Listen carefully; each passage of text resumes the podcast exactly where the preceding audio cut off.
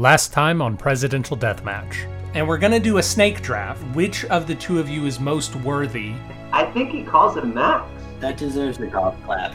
Not one. That's what you say. Call him Max. You will get to draft first three times. Alrighty, I'll do it.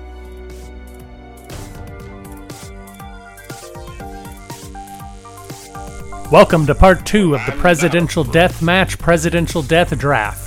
You're just joining us, don't go back and listen to part one. I mean, you don't have to, but it was a lot of fun with Andrew. Andrew Stout joins us for reasons we explain in part one, and we're going to continue doing what we were prepping to do at the end of part one as we go into part two.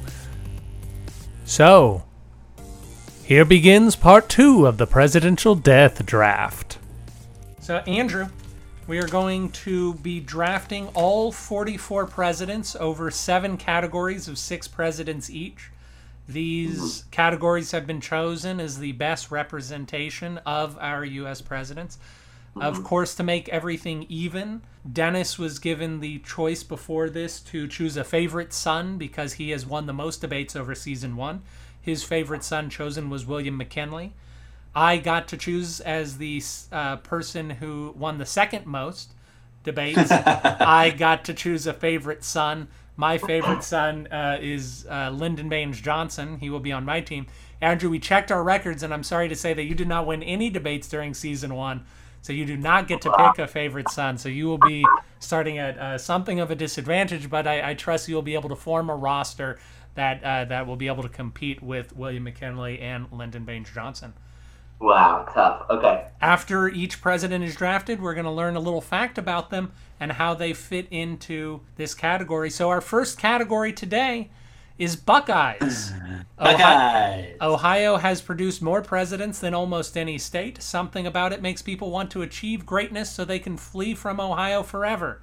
Thank you, Ohio, for sacrificing your best and brightest for America's gain. Oh, Dennis, you also have to Shout choose who you want to go second. I will choose Andrew All right. since he's down a person.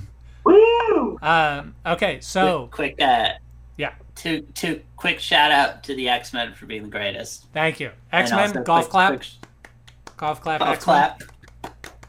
Also, quick shout out to my bro Joey Yang, who's who's in Columbus as we speak, in New Albany, Ohio. Please go ahead. The six presidents in our Buckeyes category William Henry Harrison, Ulysses S. Grant, Rutherford B. Hayes, James Garfield, Grover Cleveland, and William Taft. Da da da. Dennis, Okay. who will you choose? Absolutely, no questions asked. William Taft. Taft. I thought you'd go Taft. Taft, the only president to also be a Supreme Court justice. Taft represents the Ohio flag in that they both have unusual shapes. Yes, and it was after his presidency. I guess that goes without saying because Supreme Court justice is a permanent position. Well, you can resign it. Ah, Um, there is at least Oh, right, right. one Supreme Court justice who resigned to run for president. right. But he did not Rutherford B. succeed. Hayes.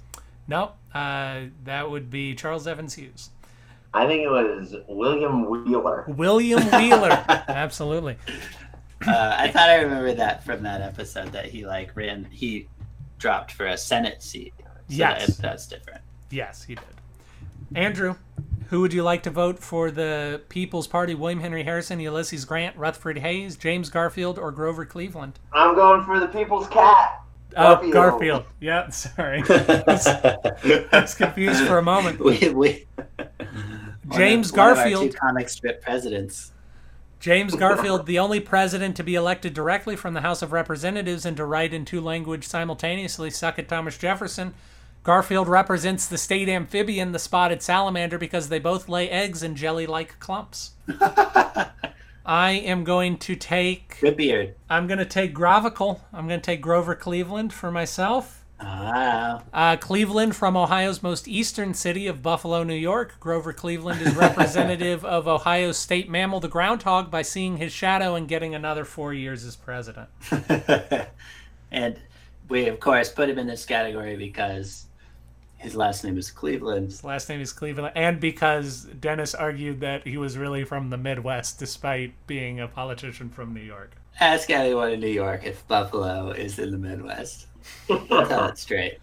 Uh, and for my second person, this one's Uh, this one's difficult. I'm not gonna lie, cause uh, cause I like all three. I argued for all three of these people. I think in the first season, William Henry Harrison, Ulysses Grant, and Rutherford B. Hayes. But I think at the end of the day, I'm gonna have to stick with William Henry Harrison as my guy.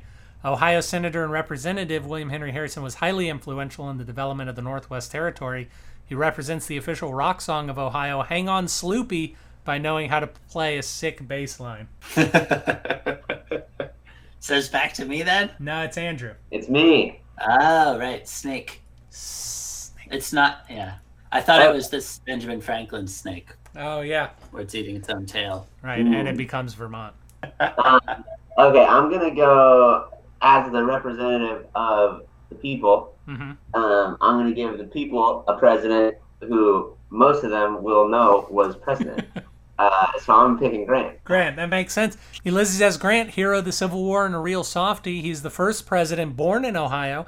Grant represents the state drink of Ohio, tomato juice, by having a Milhouse Van Houten like constitution. because of his Ohio birth status uh, and maybe other things.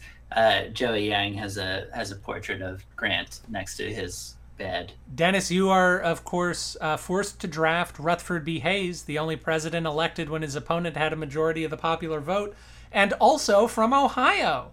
Represents the state fossil of the Isotelus maximus trilobite because neither of them have a spine. Hayes. I like Hayes. Yeah, Hayes is a good. Hayes is a, a solid one. Uh, Andrew, you are going to draft first in our next category of Warrior Kings. There's one power we love our presidents to use the most, except for the mythical ability to single handedly do anything to the economy, it's the power to crush our enemies, see them driven before us, and hear the lamentations of their women. Here's to the presidents whose warlike nature keep them close to our hearts. I think I know. Yeah? I think I'm gonna. I think I'm gonna pick whether this is right or wrong. I think I'm gonna pick the president who I always sort of think of as an example of presidents have done worse things in the past, and so I'm picking Andrew Jackson Andrew Jackson, good choice for the people's president. Our for the world's most effective genocide. One of. Uh, Jackson, uh, no specific wars because no one keeps track of Native American deaths. We're I don't saying want Jackson on our team anymore. too late. Oh. Jackson's on the people's ticket. I picked it up. Yeah. Oh dang. All right. I am going to take Harry Truman. The can-do Yes, senator course. from Missouri may have had the highest day total of any foreign conflict, killing at least 129,000 Japanese folks, mainly civilians. But the Korean War got his domestic numbers up too, killing nearly 40,000 American soldiers in just over three years. Harry Truman. Oh man, oh man. I'm I'm gonna go the uh the the pop route, pop culture route, the boring route. And so I'm gonna either go with Lincoln or FDR, and I think it's gonna be Lincoln. You get to take two in a row, so presumably you're taking both Lincoln and FDR, but Lincoln you're drafting first. So Lincoln, Yes. some say our greatest president and amateur wrestler. He presided during the bloodiest conflict in American history, and during his tenure, 618,222 American soldiers died. And then you're taking FDR? Yeah. FDR, our longest tenured president, lived to see 407,000 407,000 Americans die in war. Nice of them to keep it at a nice round number. I do find uh, Woodrow Wilson and W. Bush both very interesting. Um, Yes. but yeah, at the end of the day, Now, we know that I hate Woodrow Wilson. So, do I want to research Woodrow Wilson just to learn how much I dislike him more? But I also really like W. Bush's personality and I like talking about him. And, uh, but I don't think I argued for Wilson in the first season, right? I, I think you did. You did him for Craig's episode about uh, horror. Oh, horror that's true. I feature. did. And I love Oh, yeah. that piece of trash, Wilson. Uh, I'm gonna go Wilson. I, I want to I want to argue more. I want people to know more about what Wilson has done to this country. Uh, a comparative lightweight for the Warrior Kings, this Nebuchadnezzar Nebuchadnezzar pencil pusher saw 116,516 soldiers die, almost a perfect palindrome. And Andrew, that of course means the people take on George W. Bush. If we count Oh. only Afghanistan, this little scrapper saw at least 4,222 soldiers die in a very necessary war. Try harder next time, Mr. President. Oh man, oh man. Oh boy. All right. Uh, that's one of our that's one of our uh, least embarrassing categories. Yes. Uh, next, we are going to chokers. Someone's got to fail to make Lincoln look good. Here's to the thankless jobbers who failed to address a crisis, plunging America into a deeper pit than she was in already. We have Benjamin Harrison, Herbert Hoover, James Buchanan, Franklin Pierce, Martin Van Buren, and Donald Joby Joby Joby Trump. Now, Dennis, this of course is a tough one for me because I either got to go Pierce or Van Buren, right? And I love Van Yeah. Buren, but I think I love Franklin Pierce just a little bit more. Franklin Pierce Oh, holds man. the distinction for being the only elected president for whom his party declined to renominate him. A man who disliked the Civil War because he thought it reflected poorly on his friend Jefferson Davis.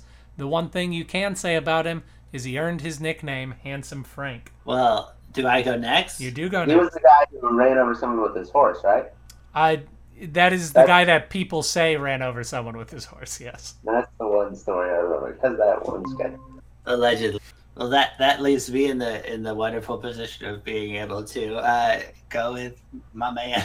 Yeah, that's a pretty Matt cool thing. Van Buren. I had um, but before I read Van Buren's little quote, I wanted to tell you, Dennis, that someone, uh, I, I was talking to a, a friend of the podcast the other day, and he said that after listening to our podcast, he was furiously trying to draw Van Buren as Beast so that he could send it to us, but he has as of yet not Awesome. cracked it. Van Buren, MVB, MVB, MVB. What he lacked in his ability to handle the sectional differences between Northern and Southern Democrats or the Panic of 1837, he makes up for by commanding an Uktana and possessing a mutant gene that grants him extra strength and agility. All right, Andrew, which choker? Okay, I got two. You get two. That's right. Oh, damn it! I'm gonna be stuck with Benjamin Harrison. Is kind of one of the ones I was thinking because I think that again, as the people's chooser, hmm you know, uh, of all of these, I I think he's maybe the one that they know least about. You know, so and I'm just considering myself one of the people I know least about him. I could read a list of all presidents and then not remember he was one as I'm reading his name. That is Uh, definitely what he's best known for. That is true. Yeah, Are you taking So- Benjamin Harrison? I'll go Benny Benny H. All right, Benjamin Harrison. Few words have been spent on Benjamin Harrison. It's still too many. Um, he's he's he's my bench guy. Yeah. Benjamin Harrison. He's a role thing was player. that he it was when audio recording first came out. So there's a recording of him saying, "I am the president of the United States." That is true. Andrew, who will you take for your second person? We've got Buchanan, Hoover, and Trump. Can't go wrong. yeah. Wrong. No, I'm not taking them all. I'm I'm again thinking about my team, Mm-hmm. and we're gonna need an engineer, Uh, and we all know that Hoover had built the dam by himself. by himself with these two hands. Herbert Hoover won by one of the largest landslides at that point in history, and because of his handling of the Great Depression, lost by an even larger landslide four years later. I I'm sad he took Hoover. I was excited to take to try to get Hoover. I will take Buchanan. I don't know how you didn't think you'd end up with Trump Aaron being the Well, because I thought Harrison was so boring. Like Trump isn't boring. You can design an argument around him, especially if we uh, have an uh, evil category. James I'm Buchanan. bored by him. Well, James Buchanan, quote, all for which the slave states have ever contended is to be let alone and permitted to manage their domestic institutions in their own way, which is pretty reasonable if you think about it. you take Buchanan, and I will take Donald John Mark Griffin Trump. Donald Trump, whether it's paying out more bailout money than we did in 2008 because of a trade war he started, or frittering away a four month lead time on coronavirus, you can trust Trump to choke in a crisis. All right, Dennis, uh, we are coming back to you for what is sure to be fan, fan favorite category slaveholders. America is judged based not on its faithful adherence to her principles, but on the hope of continuing to strive for their attainment. What better way to set the bar for attainment low than by enslaving people? All told, 13 presidents held slaves at some point in their lifetime, so we couldn't honor them all here, but we are hel- happy to welcome the entire Virginia delegation. So that is to say that one in seven presidents in our history has been a slaveholder from Virginia. One in seven. insane. Also, uh, at at its peak, four out of five presidents were slaveholders from Virginia. Oh my god. So when you look at it that way, we've really wizened up. I will. That's true. We've come a long way from 80%. I'm going to go with Monroe. I always have had a soft spot for Monroe, especially because him and Madison are kind of like the Zach and Cody of the presidents. Yeah, more not the Drake and Josh. I probably would have gone for Drake and Josh myself. You're right. They're the Drake and Josh, and Monroe's the Josh, who's like actually like a very gifted comedic actor, but doesn't do- doesn't make the doesn't make the Doesn't make the teen girls swoon. James Monroe, like the other Virginians, Monroe took advantage of slavery while advocating that the practice be gradually phased out to allow time for all those blacks to be shipped back to Africa or whatever.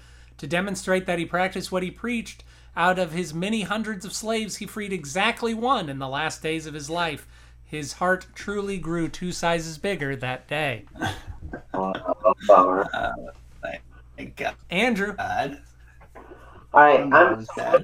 I'm, I'm, I'm gonna, as much of our nation does, I'm gonna try to use these guys out, outside the context of their sins. Uh, and I'm thinking about my team. So I've got Grant, my Yep. strategy guy, Jackson, my warrior, W, my Uh, Nice. I've got Harrison, my bench warmer. I've got Hoover, my. Because every every team needs a good engineer. yeah, I've got Garfield who can lay eggs in jelly like clumps. Uh, and then I think I need a team captain. So I'm going to pick George John Washington. George John Washington, Ah, solid so choice. Call back to our cardio ball episode. He it was indeed. George Washington first acquired slaves at the age of 10, and although it appears he questioned the domestic institution's existence after the Revolutionary War, he continued to rely on slave labor for the rest of his life. I, uh, I've got a lot of strong, strong people in front of me. I am gonna take the uh, the Drake, the Drake guy. I'm gonna take James Madison. Once called a garden variety slaveholder, in 1801, James Madison was named Secretary of State and had to move to D.C. Luckily, earlier that week, his father died and left him 100 slaves who could help him around the house while he did his government work. Those weren't enough, though, so he hired some extra slaves to assist in D.C. Don't worry, he paid fair market wages to the slaveholders. He's an honest man. Uh, and uh, I'm going to have to phone a friend uh, for this next one really quick. I'm gonna because because this is really difficult. Um, well, we've got Thomas Jefferson, Zachary Taylor, of course, our first ghost president, uh, who who's taken on a life of his own, and we have uh, John Tyler, who's who I think is a bit of a sleeper hit in a lot of ways. Uh, so I'm just doing a phone call really quick. Hi, Wow. Dennis. This is Aaron Garrett. I'm uh, I'm doing a presidential draft right now. I can choose between Thomas Jefferson, Zachary Taylor, and John Tyler. Who do you think I should pick? Uh, I think you got to go first, Ghost President. Ghost president? You're thinking? I don't think you want to seal your name by choosing uh, in in this in today's climate. Choosing Jefferson is just not going to fly for, for you. I don't think That makes sense. Uh, be- yeah. All right. All right. And John Tyler's just right out. That's what you're saying. he's a Confederate. Yeah. All right. All right. Thanks, man. Thanks. What do you say? Uh, after consulting with uh, my buddy, I'm going to choose Zachary Taylor, a man who rankled his Whig fellows by opposing the expansion of slavery into new Western states, nevertheless owned so many slaves over so many plantations that we can't know which of his many slaves he brought with him to the White House. His daughter later claimed a tax credit on slaves after the Emancipation Proclamation. Andrew, All right. Me? yeah, Jefferson or Tyler. Every team Yeah. needs a Confederate. Every team needs a good Starscream. Well, that's what I was gonna. So I was thinking about my team again, thinking Yeah. about the squad, and it's what what good is a team if they don't have good marketing, and what good is a marketing division without good pamphlet writers, and what what a thin line differentiates pamphlets that come out to the game and a Declaration of Independence. Um, so I'm gonna pick the scribe, Thomas Jefferson. Thomas Jefferson, in his notes on the state of Virginia, Thomas Jefferson expressed his belief that slavery corrupted the character of both slaves and slaveholders, which is probably true considering the amount of slaves he held and what he did with them. As a practical solution to end slavery, shortly before his death, he proposed that the government buy all slave children for $12.50, train them, and then send, send them off to Santo Domingo, now the Dominican Republic. Now that's compromise. Jesus.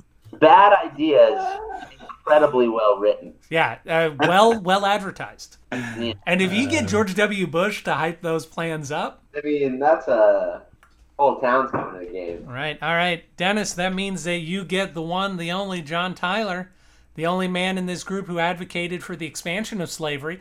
John Tyler lived it up as his slaves served him in the White House, and afterwards when he joined the Confederacy. His valet was either named Armistead or Henry, but we don't care enough to know which. all right, Andrew, I'm excited. Andrew, you're going first in the all important Dicks to Congress category. Sometimes when you're the president, you just really great against the other elected representatives of America.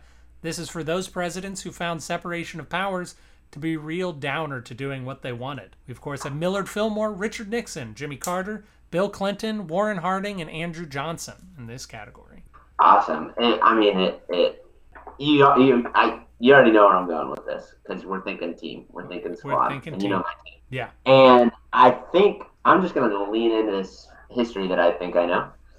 And I'm going to say every good collegiate sports division needs somebody watching their Title IX distributions. Everybody needs equal representation. We need to make sure that money is being split evenly, just as we need to make sure that votes coming in are being split evenly. One vote for you, two for me. yeah, so I'm so I'm going with Warren Warren G. Oh, Harding. President during pre, last first president after First president after. Yeah. He was not elected. president. No, he was during. Are are you saying during Prohibition or No, no. Women's uh, right to during- vote. Women's right to vote. yes? He he became a. He was elected the year that women got the right to vote. Okay, so I guess He loved women. Yeah, he loved women. He especially So, I'm- loved I'm- uh, his next door neighbor. that's neither here nor there. We're keeping that out of the pamphlet. Um, Fair enough. Thomas Jefferson knows how to keep uh, female relationships out of the pamphlet. Warren keeping it Harding. out of the- Title IX Representative Warren Harding. Warren Harding. When you're made president because of your pretty face, you don't worry too much about the governing of it all. Warren Gamaliel Harding. Uh, worst possible Title IX person. Uh, I really don't Maybe know. not when it's Th- This is tough for me because because my head tells me take Bill Clinton, but my heart my heart's screaming out for Richard Nixon, and I'm gonna take some Richard Nixon when I can get him. Richard Nixon, even before the whole "it's not illegal when the president does it" mentality took root, Nixon had a chip on his shoulder about his upbringing and the trash education he got at Duke of all places, leading him to distrust and despise many of the elected officials of America, whom he thought got better breaks than he did. True that. All right, Dennis. I want to take one that I don't that I don't know so well, and then maybe one that I do know well. Uh, Andrew Johnson's my least favorite president, personally. More than Uh, more so than gonna- Tyler? Yeah, yeah. right. I really don't like Andrew Johnson. More than Wilson? When I read about Andrew Johnson, it makes me think of the situation we're in today, and Fair it makes me very upset. Fair enough. Uh, I I uh, I think so. For the one that I researched more recently, that I feel like I know kind of better, it's between Clinton and Fillmore. Then I'm gonna go. I'm gonna go Fillmore because Aaron was excited about Clinton, I am. and because Fillmore is from New York. Right, thank you. Uh, Mart- Millard Fillmore, perhaps the first aristocratic king president, not quite as without support as John Tyler, but largely a man who considered compromise compromise beneath his dignity. Sure, sure. Also, Queen Victoria said he was good looking. Yeah, but she she said- might have been joking. Uh, she didn't seem like the kind of joke. But what a cool joke if it was. Just Yeah, that'd be so smooth. yeah, so young smooth. Queen Victoria saying, "Look at this doughy, pasty American." And who's your second one, Dennis? So then my second one would then be um, Carter. Carter. Despite unified. Despite unified control of the government through most of his term, Jimmy Carter's outsider mentality, moralizing and poor organization failed to win any friends in Congress or indeed anywhere. Jimmy Carter. So Andrew, do you want to steal Clinton away from Aaron? Well, he can't because he's. Uh, I'm snaking it. I'm snaking Clinton. When you roll into town like you own the place and treat anyone with contempt who has the temerity to ask you about whitewater, that's a recipe for sour feelings. Although we can lay a lot of modern congressional dysfunction at the feet of Newt Gingrich, Bill's personal excesses helped the transition along. Not bad. I, I think I, the snake thing continues to. Uh, I understand it, but I also struggle to, to follow it. That means the people's the ticket. snake. The people's ticket gets Andrew Johnson. Congress created a law in order to entrap him into an impeachment scandal. Suffice to say, the predominantly Republican, largely Northern, and comfortably aristocratic Congress did not like being held equal to an uneducated Southern Democrat. Well, let me also say that what does every team need? A substitute. That's you true. need somebody who can go in when, when your top guy gets an injury on the field, and Andrew Johnson is well equipped. Andrew Johnson's great substitute. You've got all the Andrews. Yeah. Well done, sir. Andrew Jackson, Andrew, Andrew Johnson, and Wow. future president Andrew James Stout. Wow. All right, we move on to the good stewards not loud enough category. If there's one thing America abhors, abhors, it's boring responsibility. Whether it's in our Congress or in our respect to federalism, we can't stand it. Here's to the few presidents dumb enough to be generally good at their job but bad at making it about themselves. Now, this is a tough category for me, gentlemen, because this is the one where I just want to take everybody. Uh, this is like if I could just take a category, I'd take this one. We've got David Eisenhower, Coolidge, Polk, Bush, H.W. Bush, Gerald Ford, and Chester Alan Arthur. Uh, and I, uh, ooh, gosh, I, uh, I, I really don't know, but I feel like I feel like what my team needs is a little bit of uh, lightness, a little bit of fun, a little bit of mirth. So I'm gonna go Calvin Coolidge. Calvin Ooh, Coolidge. nice. His laissez faire economic policies helped encourage economic growth, but his general strategy of hands off governing, governing is not the stuff of epic films. Calvin Coolidge. Dennis. To me, to me. Dwight David Eisenhower. James Knox Polk. George Hmm. Herbert Walker Bush. Gerald Fitzgerald Ford. Chester Alan Arthur. I will go with Chester Alan Arthur. Good Uh, choice. I I always go for those those Gilded Age prezos. I think that's when he was. Yep. Quote, it would be hard indeed to find better than President Arthur's administration. So says Mark Twain. But that guy used the N word a lot, so how much can we really trust him? Also, one time he said, "The rumors of my death have been greatly exaggerated." That's true. I think that one was true, though. I think it was. Rumor is. Andrew? okay, okay. Here's what I'm thinking. You're at practice with your squad, Yeah. with Andy, with Dubka, with George, with Jeff, with Hoovy, Harding. You've been sweating it out. And what what you it's halftime of your practice. You get to, to the side and what are you looking for? Uh, Waterboy? You, no, better than that. You're looking for orange sections. Orange slices. Oh. And who Oh, brings the orange slices? The parents. It's the Yeah. parents. oh, And you oh. need that parent helping out the squad by helping out their boy. So I'm picking H.W. Bush. HW. One of my favorites. H.W. Uh, Bush. What America's always wanted is a charismatic king who pretends he was born poor and yells loudly. There's little room for an awkward public speaker who's a diligent and conscientious worker who takes small steps to achieve big goals, even if he did avoid being eaten by cannibals. Okay. Indeed. take that. Uh, well, Uh, Dennis Dennis gets to take two in a row. oh, I only one second. Oh, yeah, wow. yeah, yeah. All right, Dennis. Oh, wait, no, I already took Chester. Oh yes, Atlanta yes. Sorry, yes. I know. I I made a mistake. I made a mistake. So no, you're right. You get two. Yeah. yeah. Okay. Whew. Um, because this one's a real important addition to the squad. Because what does every team need except a Gerald Ford solid kid on the squad? Yeah, yeah. Uh, real athletic, just uh, Yeah. good all around player. Gerald Ford. You know how you never let go of how Evan McMurphy from down the block broke your copy of Mario Kart 64 when you were seven, no matter what? That's kind of how America felt about Ford pardoning Nixon. yeah. Um, and about him tripping on a runway. That's that's very true. Chevy Chase never let that one go. All right, Dennis, Yeah. James K. Polk, or Dwight David Eisenhower, both solid choices.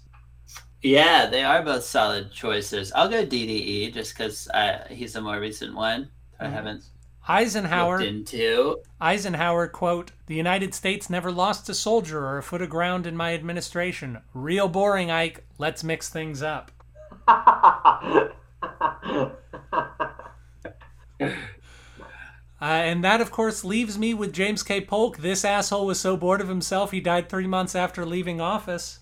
And of course, we can thank James K. Polk for Andrew's hometown of Portland, Oregon, because one of the chief things that Polk did in office was settle the Oregon Territory. wow. I didn't know that. All right, Dennis. I used to be called Pokeland. All right. Dennis, you get uh, the final pole position on coastal elites. In America, we know where our betters live, and it's not where our food is grown. Thank you to our presidents from New York, Massachusetts, and California for showing us what we could aspire to if we were born into wealth. In this category, we have. John Adams, Quincy Adams, Teddy Roosevelt, John Kennedy, Ronald Reagan, and Barack Obama. Uh, I'm gonna go with uh, J.Q. Adams, one of my faves. The uh, the highest IQ of any president. They say. They say, They guess. It's They suppose. really measurable in any serious way. John Quincy Adams, you don't get ahead that round without some serious and focused breeding programs. And then, uh, if he had been chosen after John Adams, I had an additional joke, but he wasn't, so we never get to hear that joke. Oh no, John Adams doesn't have all of the transparent psychological issues that John Quincy Adams No, has. No, that's true. They make They make Quincy Adams uh, really great. Andrew, you got two more people to round out your squad. I gotta pick two in a row? No, no, I'm just saying in general, you got two more people. Oh, I know, I know. You I got know. you got a lot of good people. You got a bench warmer. You got uh, you got Hoovy up there engineering. We got a good squad. Yeah, who? And I think I'm gonna pick. Okay, let me think. I think. Okay, so here's what you need. You know, when you and your squad are playing an away game, and you get lost in the woods. You know, Yeah, that happens a lot. you're lost in the woods, Oh, and you, you, we've got no hunters here. Uh, and all we have is Garfield's eggs coming in jelly-like clumps, and that's all we're gonna eat unless we can have a real wilderness man on the squad. So uh, I'm gonna say away game coordinator um, to Ted Theodore Roosevelt. Teddy Roosevelt, originally a sickly boy who built his body into something strong and was a bit more rough and tumble than a lot of these dudes, but he wore a monocle, so come on. Surely the tech bro of the presidents. Oh yeah, big tech bro. I saw a picture today of his son Quentin Roosevelt. No, Kermit Roosevelt. I saw a picture of his son Kermit Roosevelt just hanging out in the Amazon. That guy looked real tech broy. Really? Yeah. Kermit. All right, all right. This is uh like the frog? I didn't hear any of that. Kermit just like the frog. I'm I'm amazed. Sure. I Yes. love it. I do too. I've I've been petitioning Jessica for many years uh, for us to name our first child Kermit. Uh, so far, The the bear was named after the father, and the frog was named after the son. that's absolutely correct. Yeah. Uh, f- I'm gonna first take John Adams. Uh, John Adams may not have the psychological issues of his son, but he is ornery, and I think that he's a good, uh, like he's the good kind of coach who's gonna be yelling on the sidelines and like throwing trash cans and things. John Adams quote. I must study politics and war that our sons may have liberty to study mathematics and philosophy. Our sons ought to study mathematics and philosophy, geography, natural history, and naval architecture, navigation, and commerce and agriculture in order to give their children a right to study painting, poetry, music, architecture, statuary, tapestry, and porcelain. Porcelain, privileged asshole. And uh, all right, so I got I got Kennedy and Obama, and there's a third one in Reagan. I got Kennedy, Obama, and Reagan. I don't think I'm going to take Reagan this time out, but I think uh, I think I want to try JFK on for size, Kennedy, it is only recently that the Kennedy monster has been defeated on its own soil, hopefully never to raise its elitist head to frighten the children again. They also owned the first private plane in presidential politics. All right, Andrew, you got to tie this team together. People's ticket. Okay, Re- Reagan and Obama. So here's what I'm thinking. One, The age. Barack Obama is the only is the only one of these presidents I've ever seen play sport. Yeah, fair. Although, uh, before you finish that thought, Ronald Reagan is famous for playing a football player in a movie. And th- so my other thing was my other thing was that it was our it was our because I'm I'm super I'm scraping the bottom of the barrel with all of these guys about what I know about them. So I'm just picking service level facts. And Ronald Reagan, I know the movie thing, and so I'm thinking when a sort of uh, a docu pic comes out about this squad, I want a, a, a, a well versed person to handle those contracts. So that was kind of pointing me towards Ronald Reagan. But I think that I'm putting the cart ahead of the horse, hmm and we need to win the championship before they make a film about us winning the championship. And I think that Barack Obama is gonna get there, us there. Yeah, I I've seen him put a basketball in a hoop. Which is I can't say that about anybody else on my team. uh, Obama, born in Hawaii. That's a whole lot of coast to a lead all over. That, of course, leaves Dennis Buddy with Ronald Reagan. He was born in Illinois, but he got to California as fast as he could and never let go. Gentlemen, Well, I can't complain about that. Perfectly happy with that result. we have our 2020 to 2021 season two presidential deathmatch lineup. I think it's going to be an exciting season. Uh, Andrew, I think that you fielded a really strong third party uh, team squad. I think it's probably the strongest of any of the team. I think we got Excellent, excellent job. really Yep. proud of our, proud of the work we put in. Um, I think I think these boys are gonna really go out there, give them another ten percent every every podcast. Yeah, yeah, they're just uh, they really pay attention to the fundamentals. hmm Absolutely. All My right. team puts the fun in fundamentals. That's true. You got Millard Fillmore, and who is more fun than Millard Fillmore? And the man who inspired a far right political non comic strip. All right, gentlemen, it has been a wonderful draft. Dennis and I will see you in a bit for for season two of Presidential Deathmatch. We're really excited. We are hoping that Andrew joins us again on a future episode. Until then, everyone have a great day. Absolutely. Thank you for listening to Presidential Deathmatch. Presidential Deathmatch is a production of Pronoia Theater. You can find more out about us at pronoiatheater.com. This program was edited by Aaron Garrett with music by Dennis Buddy and hosted by those same two lovable goofballs. You can always email us at contact at pronoiatheater.com. If you enjoyed the program, we ask that you rate and review wherever it is you found us. It really helps us out. And if you didn't like the program, why don't you stick around? We really grow on you.